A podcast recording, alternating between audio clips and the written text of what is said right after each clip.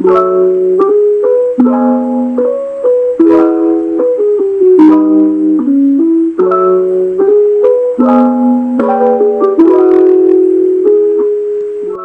გამარჯობა მეგობრებო. ეს არის ჩვენი ახალი პოდკასტი. ჩვენ ვართ მის წამყვანები, მე ქეთო სიხარულიძე და ანა მარია თორთქილაძე. ჩვენი პირველი პოდკასტი გვინდა რომ იყოს მიმოხილვის ხასიათის, გვინდა რომ ზოგადად გელაპარაკოთ ჩვენზე, ჩვენს ინტერესებზე, პოდკასტის იდეაზე და ასე შემდეგ და გვინდა რომ მაქსიმალურად კარგად მოვიტანოთ ეს ისტორია თქვენამდე. მე და ქეთო ერთმანეთს და მეგობრით სკოლაში, ერთ სკოლაში ვსწავლობდით, უბრალოდ განსხვავებულ პარალელურ კლასებში.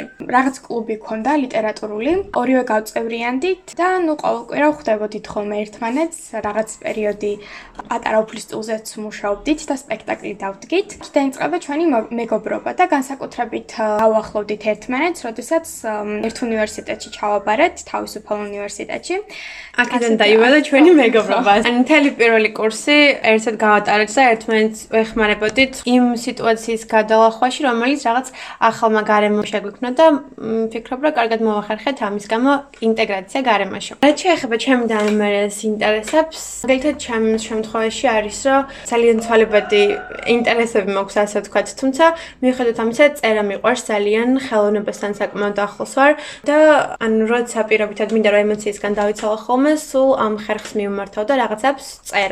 რაც შეეხება ზოგადად სხვა ინტერესებს, ძალიან ბევრი რაღაც მაინტერესებს ხოლმე, თუმცა ზეთა შემთხვევაში ძალიან ხანმოკლეა ხოლმე. შეიძლება რაღაც პერიოდი მქონდეს გატაცება პირობითად კვანტურ ფიზიკაზე და ფიზიკის სიმპოზიუმებზე ვიარო, რატომზე ამის გატაცება მაქვს რაღაც რამდენიმე კვირა არის, თუმცა შეიძლება იყოს რაღაც პერიოდები, როცა მხოლოდ მხოლოდ ისეთ სოციალურ აქტივისტურ პროექტებში ჩავერთო, რომელიც უფრო რაღაც სხვა საგანმანათლებლო საკითხებს მოიცავს და პირობითად ამითი შევცვალო ჩემი ყოველდღიურობა. ამიტომ როგორც ასეთი ერთი კონკრეტული ინტერესი არ მაქვს, ბევრი რაღაც მაინტერესებს. ორივეს ძალიან გვიყვარს ფოტოების გადაღება. მე განსაკუთრებით მეყვარს Instagram კონტენტის შექმნა.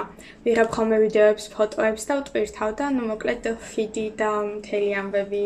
კიდევ ერთი პერიოდი მიყვარდა ძალიან პიანინოზე დაკვრა, მაგრამ რადგან თბილისში არ მაქვს პიანინო, ამიტომ ხშირად ვერ ვუკრავ, მაგრამ ბათუმში როდესაც ჩამოვდივარ, პირველი რასაც ვაკეთებ, ის პიანინოზე. ანუ ჩემთვის ეგრე არის, ეგ იმიტომ რომ თავიდან მოკლედ 6 წელი რომ დავამთავრე, რაღაც მხრივ დაღლილი ვიყავი ამ მუსიკალური სიტუაციებით და აღარ მინდოდა საერთოდ გავკარებოდი არაფერს, რაც ამ საკითხს უკავშირდებოდა, მაგრამ ცოტა ხნის მერე მივხვდი, რომ რეალურად თერაპია არის რა, რომ საფრთხე დაჯდება და შემთთვის რაღაც მელოდიას უკრავ და მე რამდენიმე ისეთ მელოდია ვისწავლე, რომელიც ყოველთვის მინდოდა რომ ესწავლო და პირობითად ვერ ვახერხებ და შემდეგ. მაგალითად თურქული მარში. მე და მუსიკალურს ძალიან საინტერესო ისტორია გვაქვს.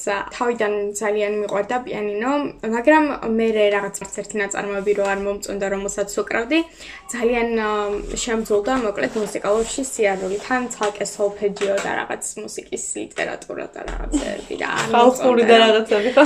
აა ხო და ექვსე მეექვსე კლასს როცა ვამთავრებდი, ჩემმა ფორტეპიანოს მასწავლებელმა მომცა ისეთი ნაწარმოები, შოპენის ვალსი მომცა, ძალიან ლამაზი და ну მოკლედ მთელი დღე ამ ვალსს ვუკრავდი. სხვა ნაწარმოებებსაც მივაყოლებდი ხოლმე და მიყვარდა საბოლოოდ პიანინოზე დაკვრა. იმის მიუხედავად რომ ყოველ დღე დედა ჩემს ვეხოცებოდი 6 წლის განმავლობაში გამომიყვანე მუსიკალურიდან, გამომიყვანე მუსიკალურიდან, მე-6 კლასი როცა დავამთავრე, გადავწყვეტა რომ გამეგრძელებინა და მე-11 კლასი რომ საატესტატო კი რაც უკავშირდება თან და ყველაფერი მოვიწყდება. ნუ საატესტატო გამოცდების ის რომ უნდა მომზადებულიყავი, მაშინ გადავწყვეტე რომ გამეგრძელებინა მუსიკალური და კიდე ერთი წელი ვიარე. მაგრამ მე მივხვდი რომ ანუ ძალიან მიჭირდა შეთავსება, იმიტომ რომ საკმაოდ დიდ დროს მოითხოვს პიანინოზე დაკვრა განსაკუთრებით, როდესაც უკვე მეშვიდე კლასში ხარ და უფრო სერიოზული ნაწარმოებები გაქვს და უფრო რთული და კომპლექსური და ბოლოს ჩემს მასწავლებლს ვთხარი რომ აი ერთ ნაწარმოებებს ვებს ავიღებ, ისევ შოპენი ავიღე, მეცხრე ნოქციურნი, ძალიან ცნობილი ალბათ თქვენთვისაც და ვუთხარი რომ ამუშავებ მთელი წლის განმავლობაში და კონცერტზე გავალ და ამით დავამთავრებ. შენს მოღვაწეობას მუსიკალურში. და ესეთი ისტორია. და ნომერი ძალიან გვყარს ახალი ადგილების მონახულება. და გეგმავთ რომ სადღაც ერთად წავიდეთ სამოგზაუროდ, იმიტომ რომ გვინდა რომ რაღაც ეს ადგილები ერთად მოვინახულოთ. თუ რიშა ჩამოვედით, იქიდან გამომდინარე რომ ახალი გარემო იყო ჩვენთვის და გვინდა რომ ყველაფერი გვენახა ხოლმე, პირველი რამდენიმე კვირა სანამ გვეცალა, გავდიოდით ხოლმე და რაღაც ადგილებს ნახულობდით. თუმცა იდეაში ჩვენი გეგმა არ განხორციელდა, იმიტომ რომ ფიზიკურად დრო არ გქონდა ხოლმე. ვლოგებსაც ვიღებდით ხოლმე Instagram-ზე მინდა შეგიძლიათ ნახოთ. მე და ანა მარიას კიდევ ძალიან მოგწონ სოციალური აქტივიზმი, გამომდინარე იქიდან, რომ გვინდა ხოლმე რომ ეს ჩვენი ცოდნა და რაღაცა მხოლოდ და მხოლოდ ფორმალურ ჩარჩოებში არ ჩავკეტოთ და არაფორმალური განათლებაც მე ვიღოთ სხვადასხვა წყაროებიდან. მაგალითად, სანამ ბათუმში ვიყავით, სკოლის პერიოდშიც ორივე აქტიურად ვიყავით ჩართული ახალგაზრდული ცენტრების სამოღვაწეო ასპარეზში. იმიტომ რომ ტრენინგები, შეხვედრები და რაღაც ასეთი ტიპის ღონისძიებები არასდროს არ რჩებოდა ჩვენთვის ყურადღების მიღმა. ეხაც დღემდე ვცდილობთ რომ ჩავერთოთ ნებისმიერი სახის, ну, თქო ნებისმიერი სახის არა, მაგრამ იმ რაღაცებისაც გვაინტერესებს სოციალური აქტივიზმის პროექტებში. მე პირადად მქონდა გამოცდილება სანამ სკოლაში ვიყავი, რომ გამოკეთებინა ჩემი პროექტი ხელოვანი ახალგაზრდა და მიმეცა ახალგაზრდებისთვის საშუალება, რომლებიც ამ წერენ, ხატავენ, ღერიან და ასე შემდეგ. მიმეცა საშუალება, რომ საკუთარი ნიჭის რეალიზება მოეხდინათ საზოგადოების წინაშე და ლიტერატურული საღამოები და რაღაცები ეწყობოდა ხოლმე. ამიტომ ჩემი ხელოვნებისადმი სიყვარული ამ საკითხშიც გამოვლინდა. მე სამწუხაროდ პროექტი არასოდეს არ დამწერია და არასდროს არ განმეხორციელებია, მაგრამ ძალიან ბევრ პროექტში ვიღებდი მე თვითონ მონაწილეობას და ყოველ წელს ვავსებდი რაღაც აპლიკაციებს და ყოველ საფხულს მივდიოდი სადღაც ანუ მე-9 კლასში დავიწყე, გავიმარჯვე რაღაც მათემატიკის ოლიმპიადაში და მე-9-10 კლასში, მე-11 კლასშიც, მე-12 კლასშიც სხვა შორის პირველ კურსზეც ვაუ, ჩაღნავარია.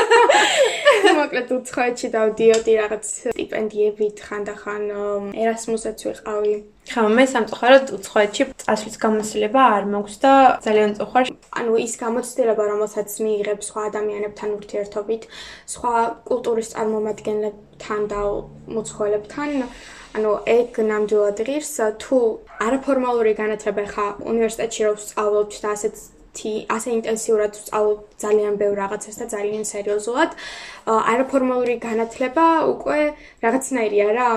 ძალიან სერიოზულადაც ვეღარ აღვიქვამ იმასთან შედარებით, რასაც ახლა ვსწავლობთ უნივერსიტეტში, მაგრამ აი ეს გამოცდილება, ურთიერთობები, კონტაქტების დამყარება ძალიან მნიშვნელოვანია. ანუ ზოგადად იმის კომენტა, რომ ეს პროექტები ძალიან ბევრ დამხმარა პირადად მე. თუნდაც იმ ხრივ რომ ანუ მქონდა უკვე შესაძლებლობა, რომ ჩემი კომუნიკაბილური რაღაც უნარები ამ ხალხში გამომემჟღავნებინა და ეს უნარების გამო კი, ბევრი მეგობარი, რაღაცა ჯგუფური მუშაობა, რაღაც ანუ ძალიან ბევრი რაღაცა აი რა შიც ეს პროექტები გეხმარება და აი ცოდნა არა, მაგრამ აი ეს უნარები და ჩვევები, კი, ჩემი ერთ-ერთი ყველაზე დადებითი რამ, რაც ჩემთვის პროექტებს მოუტანია, არის ის, რომ აი რაღაც საზოგადოების წინაშე გამოსვლის და საჯარო საუბრის შიშ და რაღაცები დავძლიე სრულად. და ამისი ასე თქვა ზეიმი იყო ახალგაზრდა სპიკერთა პლატფორმა, სადაც მე ვიღე მონაწილეობა და ძალიან დიდი აუდიტორიის წინაშე გამოდიოდით ხოლმე, ძალიან დიდი, ანუ საშუალო რაოდენობის აუდიტორიის წინაშე გამოდიოდით ხოლმე და საუბრობდით სხვადასხვა თემებზე, ანუ სპიჩებს ვაკეთებდით ერთგვარად და ამ პროექტმა ძალიან დიდი გარდატეხა მოახდინა ჩემში, გამომდინარე იქიდან, რომ ანუ მაგის შემდეგ ისეთი გამოცდილება მივიღე, რომ რაღა უნდა მოხდეს, რომ ესე აუდიტორიის წინაშე გამოსვლა შემეშინდეს და შემრცხვეს და ასე შემდეგ. ეხლა რა ჩაეხება ჩვენი პოდკასტის იდეას? ამაზე ანუ მე მოგიყვებათ, ალბათ გარეკანიდან მიხვდებოდით, რომ ჩვენი პოდკასტის სახელი არის ყველაფერი. და გვინდა რომ ვისაუბროთ ყველაფერზე. ანუ არ გვინდა რომ ჩვენი პოდკასტი იყოს რაღაც ჩაკეტილი, რაღაც ვიწრო, ან რაღაც მხოლოდ კონკრეტულ თემებზე, გვინდა რომ ეხებოდეს ყველაფერს და ეს ყველაფერი შეიძლება რომ ერთ დღეს იყოს მაგალითად ეკოლოგია, მეორე დღეს იყოს ვიღაც ადამიანზე, რომელიც იმ მომენტში ტრენდული იქნება, ან რაღაც ეგეთი და ამიტომ გვინდა რომ ფართო არეალი გქონდეს თემების ასარჩევად. მე პოდკასტის იდეაზე ვილაპარაკოთ და მე სახელის იდეაზეც მოგიყვებით რა როგორ როგორც კეთო მახსენა გვინდა რომ ბევრ სფეროს შევეხოთ. გვინდა რომ იყოს სახალისო და ამავდროულად ინფორმაციულიც. გვინდა რომ გაგიზიაროთ ჩვენი გამოცდილება რჩევები და ასევე ძალიან დიდი სიამოვნებით მოვისმენდი რჩევებს და გამოცდილებებს თქვენგანაც. ამიტომ არ დაგეზაროთ არ მოგერიდოთ მაქსიმალურად ანუ ფიქრობთ რომ რაც უფრო მეტ შენიშნოს მეტ რაღაც რჩევას და რაღაცას მივიღეთ მით უფრო დავიხვეწებით და უფრო მეტად მორგებული იქნება ეს ყველაფერი ყველაფერი იმ საჭიროებაზე, რომელიც სოციუმში არსებობს რა. მოდი ვისაუბროთ ზოგადად პოდკასტი რა არის, იმიტომ რომ როდესაც ჩემი ჩემი მეგობრებისთვის ან ოჯახის წევრებისთვის მithkoms რომ პოდკასტს ვიწყებთ, კი, მეც პირველი კითხვა ყოფილა რა არის პოდკასტი. მე წავაწყდი მაგ წინაღობებს ბევრჯერ და მე ტექსტ ვაკოპირებდი და ვაგზავნით. მოკლედ პოდკასტი Google-ის მიხედვით არის ციფრული აუდიო ფაილი, ჩაწერილი ეპიზოდებად, რომელთა მოსმენა და ჩამოტვირთვა მსმენელს შეუძლია ინტერნეტის მეშვეობით თავიანთ კომპიუტერში ან ტელეფონში. პოდკასტს ძირთადად უსმენენ რაღაც როდესაც რაიმე პარალელურად რაღაც აქტივობას აკეთებენ. მაგალითად, დარბიან. მე მაგალითად ძალიან მიყვარს პოდკასტის მოსმენა, როდესაც ველოსიპედზე ვკატავ ბულვარში. ასევე შეიძლება აი სახლის საქმეებს როდესაც აკეთებ პარალელურად. ან გზავრობის დროს? კი, კი, მანქანაშიც შეიძლება. გზავრობის დროს ძალიან კარგი არის დროის გასაყვანად. ძალიან სასიამოვნო არის და ანუ პოდკასტის უპირატესობა ის არის რადიოსგან განსხვავებით, რომ ანუ რადიოში ყოველფერი ლაივ რეჟიმში მიმდინარეობს, ანუ პოდკასტი უბრალოდ ჩაწერილი არის და ნებისმიერ დროს შეგიძლიათ ჩამოტვირთოთ და მოусმინოთ რა. ზოგადად პოდკასტის სახელწოდების დაარსებასთან დაკავშირებით ძალიან დიდ ხანს ფიქრობდით მეთქი რომ გითხრათ ტყუილი იქნება, მაგრამ არც ძალიან ცოტა ხანი არ გიფიქრი ამაზე. პირველი შეხვედრა როცა იყო ჩემი და ანომალიას რომ ფიქრობდით სახელზე, ძალიან ბევრი რაღაც ჩამოვწერეთ იდეაში და მე რა გვინდა და რომ ცოტნაური სახელები მოგვიფიქრებინა და მე ინგლისური ლექსიკონი გადმოვალაგეთ და მე ყველა სიტყვა რომელიც თანამგზავრს და რაღაცა განათლებას უკავშირდება და ყველაფერი ამოწერეთ, მაგრამ მე რაღაცნაირად ვერ მოვიხდინეთ, ასე ვთქვათ. მეორე შეხვედრაზე კიდევ ვიფიქრეთ და ვერაფერი ვერ მოვიფიქრეთ და მესამე შეხვედრაზე ეს იდეა დაიბადა თბილისიდან ბათუმში მატარებელში. კიბეებზე ჯდომის დროს, როცა ძალიან ხუმრობით თქვი რა, ყველაფერი, ოღონდ ყველაფერი თქო რა. და ანუ მე ესეც გაიცნე, მეც ესე რაღაცა კეთილ განწყობა დავიმსახურე და ძალიან გაგვიხარდა რომ საბოლოოდ შევჯარდით. იმიტომ რომ იდეები რაც პირობითად მე მქონდა ანამარიას არ მოწონდა იმიტომ რომ ან ძალიან სერიოზული იყო ან ძალიან ვიწრო იყო იდეები რაც ანამარიას ქონდა მე თითქოს მე არ მომწონდა და ბოლოს ფიქრობდით რომ აი ოდეს მე შევთანხმდებით სახელზე და საბოლოოდ მივედით ამ სახელამდე, რომელიც ჩვენი აზრით ყველაზე კარგად გამოხატავს იმას, რაც გვინდა რომ გავაკეთოთ და რასაც გვინდა რომ ეხებოდეს. ჯერჯერობით ხოლმე YouTube-ზე ვტვირთავთ ამ პოდკასტებს, მაგრამ ძალიან გვინდა რომ Apple Podcast-ზე და ალბათ Spotify-ზეც გადავიდეთ. ანუ მარიამ თავიდან YouTube-ის ვიდეო დაიწუნა, არავინ კაჟური არისო. და შემდეგ რომ ვნახეთ, რომ ძალიან სპეციფიკური მოთხოვნები არის სხვა პლატფორმებზე, ამიტომ ცოტა ხნით გადაიდო ამ პლატფორმებზე ჩვენი პოდკასტების გამოქვეყნება.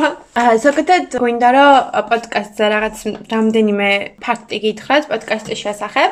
პირველ რიგში ის, რომ ყველაზე მეტად პოპულარული პოდკასტი არის სამხრეთ კორეაში, ამერიკაშიც რა თქმა უნდა, თუმცა მაინც სამხრეთ კორეა ლიდერობს პოდკასტების ან მოსმენის რაოდენობით და ასე შემდეგ. პოდკასტების დაარსება უკავშირდება 2004 წელს, როცა პირველი პოდკასტი გამოვიდა. მანამდე თითქოს არსებობდა იდეის დონეზე რაღაც, თუმცა როგორც ასეთი ოფიციალური თარიღი 2004 წელი ითვლება.